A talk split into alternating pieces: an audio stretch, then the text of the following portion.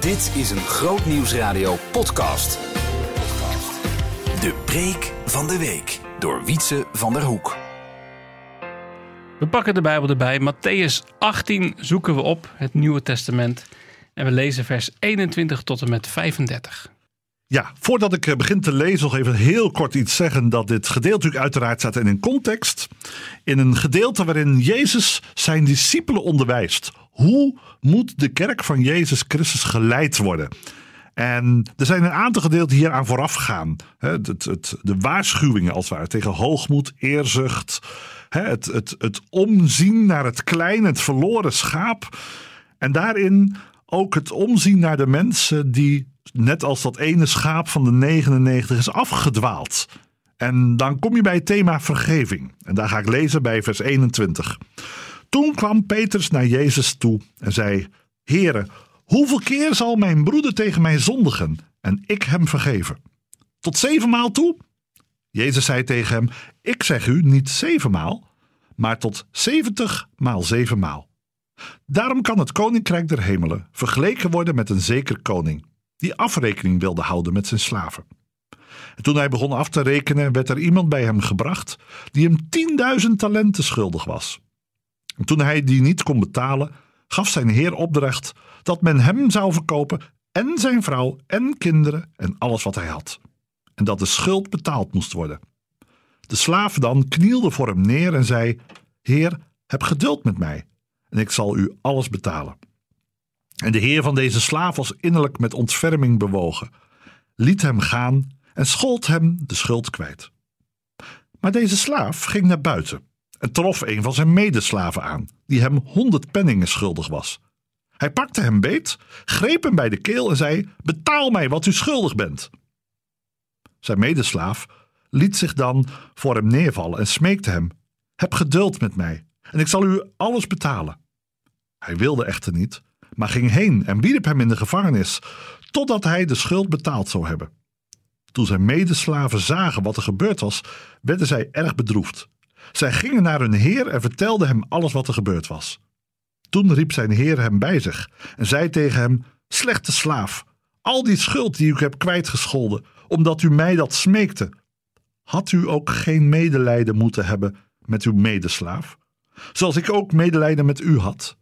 En zijn heer, boos als hij was, gaf hem aan de pijnigers over, totdat hij alles wat hij hem schuldig was betaald zou hebben.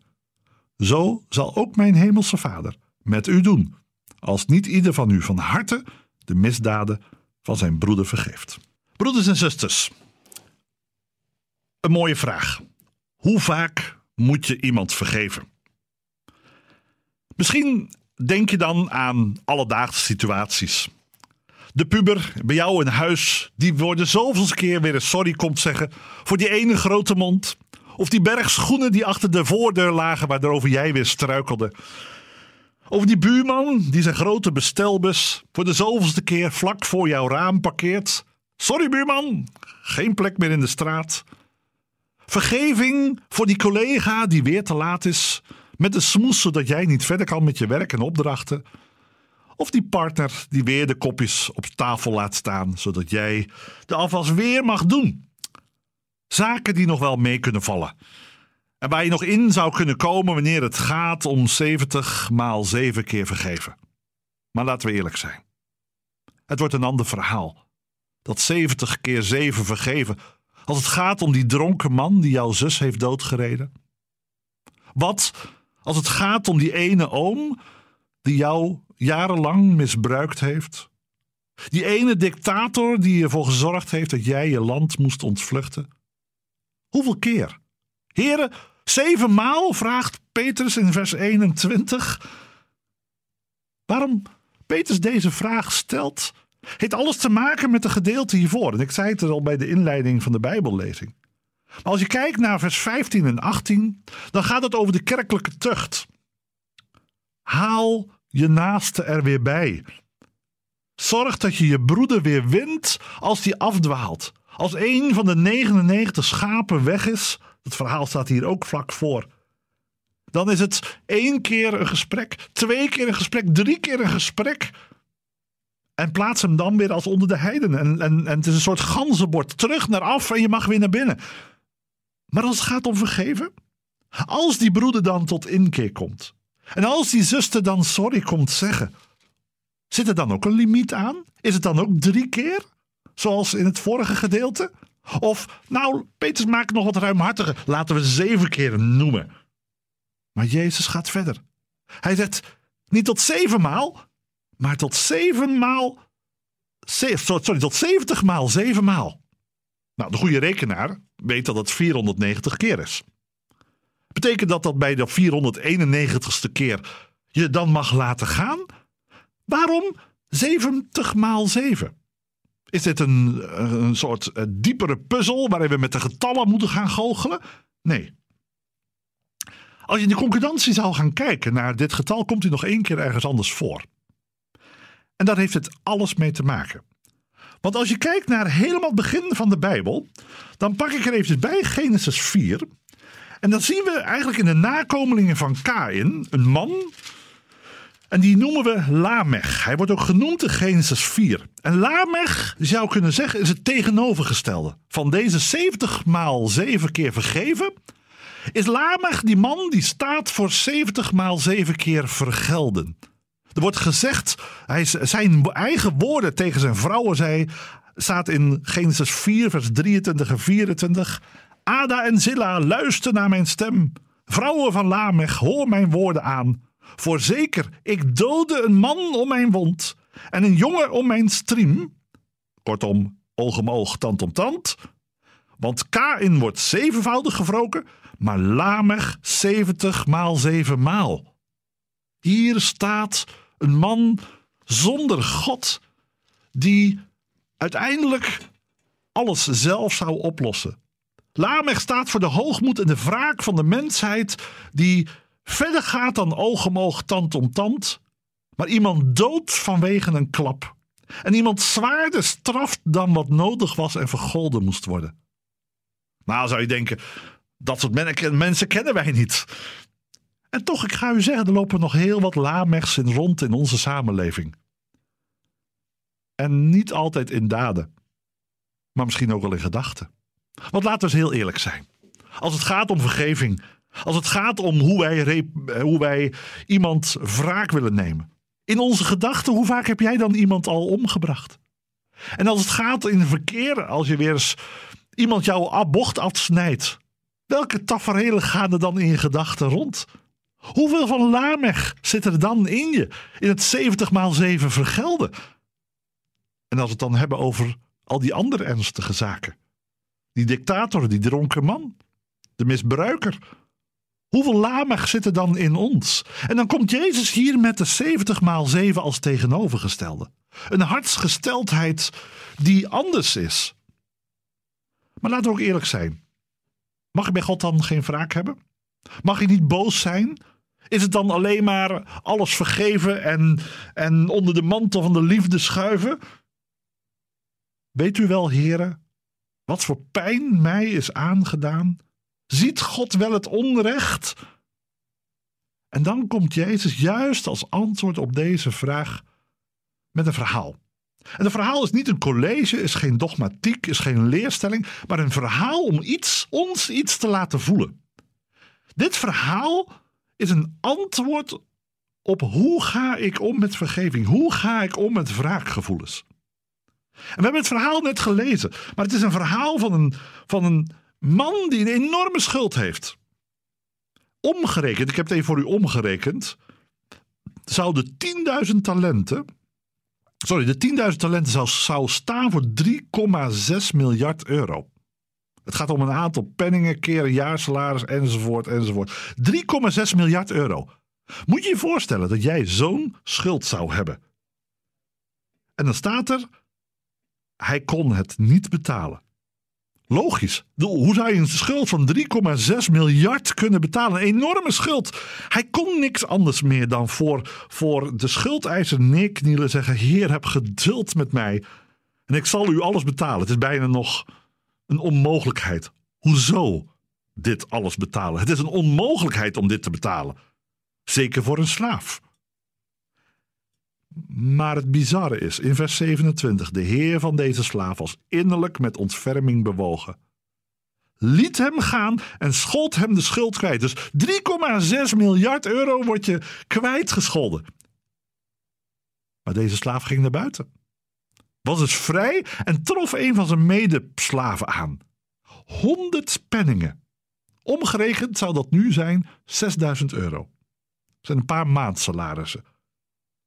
Hij greep hem beet. Betaal mij wat de schuldig is. En die medeslaaf doet hetzelfde als wat hij deed en zegt: Heb geduld met mij en ik zal u alles betalen.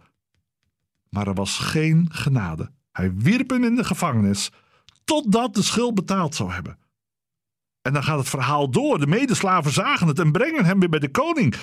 En de koning is boos. Slechte slaaf. En dan komt vers 33 als de grondhouding. En vers 33 is ook het antwoord op de vraag die wij vaak ook mogen stellen: Heren, help ons te vergeven. Had u ook geen medelijden moeten hebben met uw medeslaaf, zoals ik ook medelijden had met u? Hier zit de sleutel tot vergeving in geloof. Wij kunnen vergeven.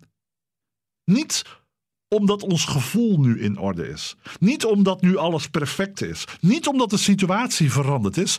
Maar dat, omdat Jezus ons een perspectief laat zien. Namelijk dat we eerst naar boven moeten kijken. Voordat we naast ons gaan kijken. Eerst kijken waarvan ben ik nou bevrijd.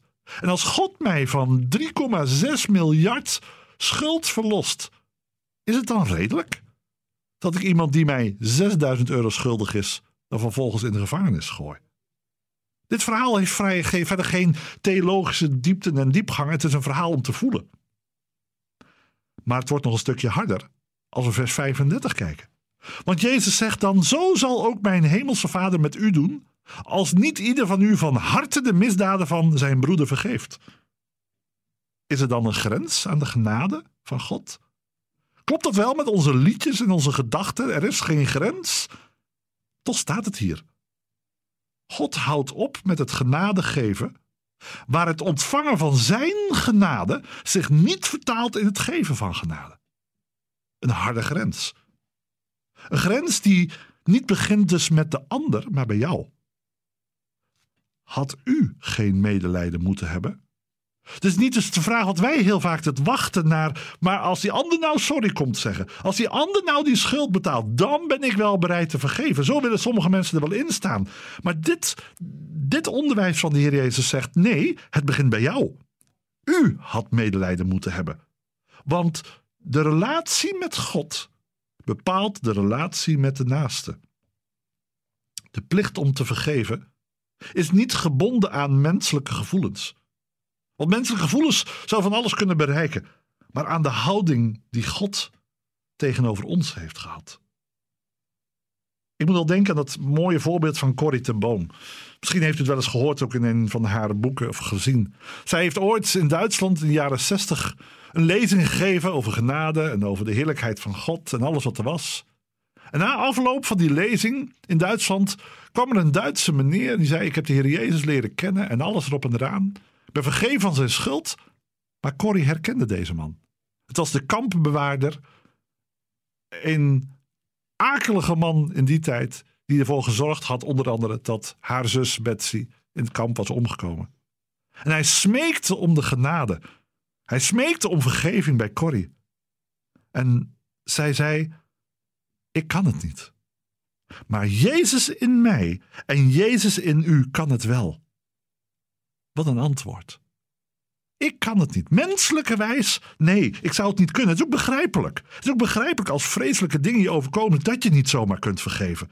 En die woorden van Corrie de Boom zijn zo waar. Ik kan het niet, maar Jezus in mij kan het wel. Dat is het werk wat wij in ons leven mogen doen. Dat is wat vers 33 zegt. Eerst naar boven kijken en ontdekken: de Heer is mij genadig. En daarom kan ook ik vergeven. Het is een actieve vergeving. Wat ervoor zorgt, niet dat de andere vrijkomt, maar dat jij vrijkomt. Dat jij loskomt van bitterheid en wrok. Vergeven betekent niet dat je alles maar vergeet. Dat is onmogelijk in bepaalde situaties. Maar het gaat erom dat de boosheid en de wrok niet jou blijft beheersen. Zoals deze slaaf die naar buiten ging, zijn medeslaaf greep en niet begrepen had de diepgang van Gods genade. Die de boosheid blijvend liet regeren. En toch zie ik vandaag, vandaag nog steeds veel mensen die niet kunnen uitspreken: vergeef ons onze schulden, gelijk ook wij vergeven onze schuldenaren. Die soms denken dat er een voetnootje bij staat. Dat hoeft pas als de ander om vergeving vraagt. Nee, het staat er niet. Vergeef ons onze schulden, gelijk ook wij vergeven onze schuldenaren, zodat wij vrijkomen. Zodat wij weten wat het is om vergeven te zijn. Eerst naar boven kijken. Vergeven, ik heb misschien, ik heb er zelf een term aan gegeven, maar vergeven is Jezus vastgrijpen, zodat je de ander kunt loslaten. Misschien is dat wel een aardige term van vergeving. Mensen met gebalde vuisten kunnen niemand een hand geven en kunnen niets vastgrijpen. Jezus vastgrijpen zorgt dat je de andere kunt loslaten. Dat is de sleutel tot actieve vergeving. En dat is ook de sleutel waarin jij misschien in jouw leven datgene een keer kunt gaan loslaten wat misschien al heel je leven beheerst.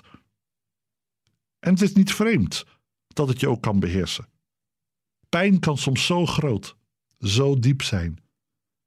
Maar vergeving is een hartsgesteldheid die niet geeft wat iemand verdiend heeft, maar genade geeft aan iemand die het juist niet verdiend heeft. En dat begint bij onszelf. Als wij naar boven kijken, als wij ontdekken wat Jezus voor ons gedaan heeft, die enorme genade van 3,6 miljard euro, om het zo maar even te vertalen, dan geeft dat een perspectief. Maar het belangrijkste is dat het je vrij maakt. Vrij maakt van die openstaande rekening. Als jij maar zit te wachten op dat sorry, te wachten op die e-mail, te wachten op datgene wat gebeuren moet. En zelfs nog zo lang moet wachten, want soms kunnen mensen weg zijn, overleden zijn. Of dat soort situaties, dan wordt het alleen maar moeilijker en lastiger. Juist dan, juist dan mogen we blijvend weten dat als je vergeving toelaat in je leven, je besluit dat er geen openstaande rekening meer is. Dat je Jezus vastgrijpt en het andere kunt loslaten. Wat er ook gebeurt. Dat maakt vrij. Dat is de vrijheid. Waar geen woede, geen bitterheid, waar alles van u afgenomen kan worden. Juist door vergeving uit te spreken. Vergeving begint niet bij de ander, maar begint bij ons. En Gods Heilige Geest wil je daarbij helpen. Die geest die ons overtuigd heeft van de vergeving van zonde, wil ook overtuigen van de vrijheid die jou mag brengen. En misschien luister je nu, nu en denk je: poeh, dit slaat echt op mij. Ga in gesprek. Zoek je oudste, je voorganger broeders en zusters. Bespreek, maar allereerst ook met God. Ga naar Hem toe en kom onder de indruk van Zijn grote genade. Hij maakt vrij, waarlijk vrij. Amen. Behoefte aan meer? Grootnieuwsradio.nl slash podcast.